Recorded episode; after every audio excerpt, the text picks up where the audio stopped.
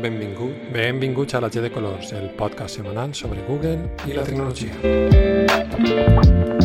Doncs ja estem al capítol 2 de la segona temporada i en el capítol d'avui el que intentarem és trobar un substitut a Google Stadia, ja que el tancament de Google Stadia ens ha deixat una mica orfes del que és el joc al núvol.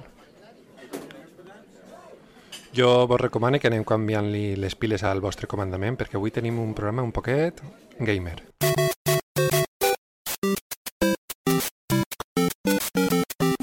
Però abans d'entrar en matèria, i com sempre fem, farem un xicot repàs a les dos o tres notícies més destacades de la setmana en el món de Google, Android i de la tecnologia en general.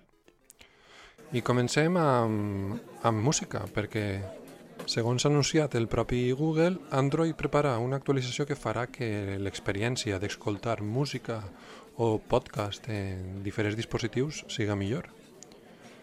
Si fa poc anunciaven que el reproductor d'Android eh, seria compatible amb el protocol Spotify Connect, fent que puguem enviar el nostre àudio a, a qualsevol altaveu compatible des de la pròpia pantalla de bloqueig, Ara ha anunciat també que usaran una combinació de sensors d'ubicació, eh, Bluetooth i de proximitat per a enviar el que és una notificació als aparells més pròxims a l'usuari, de manera que li suggeriran si vol continuar escoltant allò que està escoltant allí.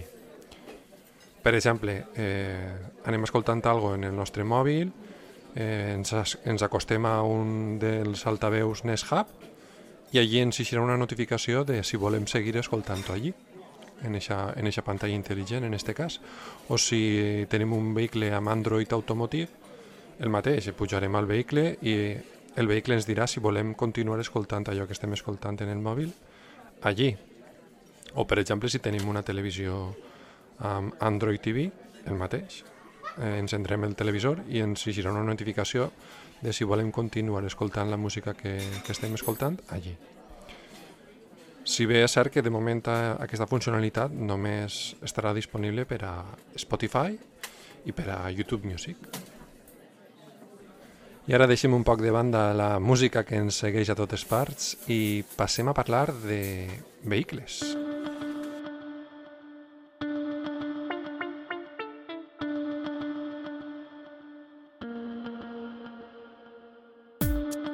Ens pugem al cotxe per a veure la nova aparença d'Android Auto que arriba ja, per fi, al gran públic.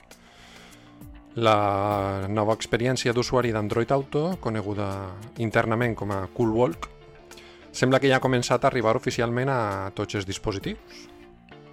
Aquesta nova interfície el que ofereix és una pantalla partida i per tant molta més informació d'una sola ullada Vaja, el que ja oferia el CarPlay d'Apple, no? I no només això, perquè sembla que ara podrem respondre els missatges, els missatges que rebem de WhatsApp, etc, amb respostes predefinides tocant a la pantalla. I si no vaig errat, perquè la veritat és que jo encara no, no ho he pogut provar, no he rebut l'actualització, eh, es, crec que es podran escoltar els àudios de WhatsApp i el que sí que està confirmat és que si tens un telèfon Samsung o un Pixel, podràs fer telefonades via WhatsApp. I ha arribat el moment de parlar de el substitut d'Estadia. Jo he estat sospesant dos, tres, tres opcions, però en realitat m'he quedat amb dos. I aquestes són les que anem a veure avui. I començarem amb la proposta d'NVIDIA, eh, l'NVIDIA GeForce Now.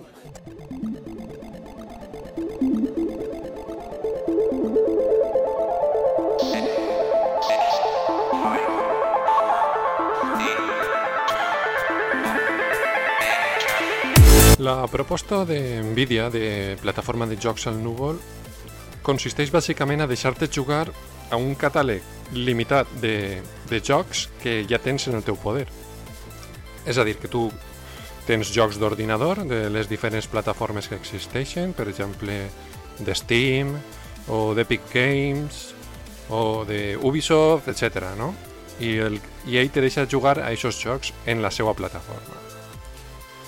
No tots els jocs són compatibles amb el servei, però la veritat és que el catàleg és prou gran i va incrementant-se eh, progressivament. Jo he provat a jugar amb l'aplicació oficial per a Chromecast, per al Chromecast en Google TV, i amb un comandament de, de Xbox, que eh, dit siga de part, de pas, jo crec que els comandaments de, de Xbox són, són els millors per a jugar, millors inclús que, que els de PlayStation. I he de dir que la veritat és que el joc va prou fluid, però, però sí que he notat, i, i mira que jo en això no sóc massa, massa mirat, he notat una gran latència. No sé si és perquè el comandament està connectat per Bluetooth i no està per Wi-Fi com, com sí que ho estava el comandament de Stadia o és perquè no han optimitzat correctament eh, la latència, no ho sé. Però la veritat és que l'experiència, o igual és culpa del Chromecast, no ho sé. Però l'experiència de jugar amb, amb el Chromecast no ha sigut massa bona. Després, un, un gran desavantatge que per a mi, per a mi sí que em tira darrere i és, és de, de lo que m'ha fet dir un any nomàs, és que almenys en la versió gratuïta estem parlant, eh, has d'esperar, has d'esperar, has de fer una cua. Hi ha una sèrie de recursos limitats, jo ho entenc, és, un, sí, és la versió gratuïta, té una sèrie de servidors amb recursos limitats, per tant, has de fer cua fins que hi ha un, un slot, un lloc lliure per a poder jugar. Eixa cua pot ser realment llarga, eh? Vull dir, de, depenent, jo no sé si depèn de les hores o, o de què depèn, però te pots tirar ahir una hora perfectament. I després un altre desavantatge és que el, una vegada ja has aconseguit un lloc per a jugar, eh, te donen un temps limitat per a la partida. Dir, només pots, només pots estar una hora jugant. Al, a l'acabar-se l'hora, te tiren de la plataforma i has de tornar a fer la cua.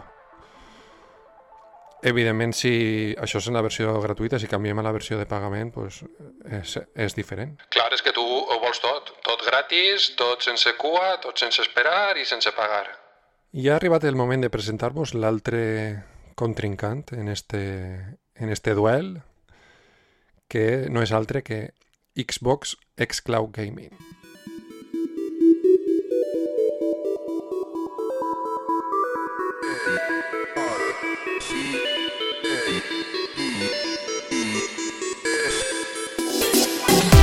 Este producte podríem dir que ha estat la resposta de Microsoft a, la incursió al món dels jocs al núvol. Al contrari que Nvidia, aquesta plataforma no té aplicació oficial per a Chromecast en Google TV. Encara que sí, sí que hi ha aplicació nativa per a, per a alguns televisors. Si no m'equivoque, crec que els, els, tele, els televisors Samsung fabricats a partir de, de 2017, si no vaig errat, ja poden instal·lar l'aplicació de, de, de Xcloud.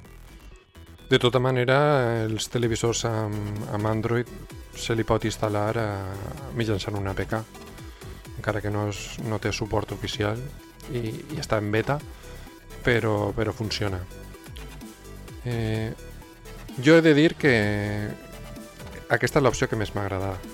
Ja vos estic fent spoiler vos estic adelantant les conclusions, però, però la veritat és que és una experiència d'usuari molt més polida que no pas la de la d'NVIDIA sobretot per una, una qüestió i és eh, la subscripció a Xbox Game Pass. Això és, eh, un producte que és una passada. És, tens un catàleg immens de jocs, però un, jocs de gran qualitat, triple A, no, no com els jocs als, als que estem acostumats a Stadia, que, que bé, n'hi havia dos o tres que estaven bé, però la gran majoria eren jocs independents amb no massa nivell.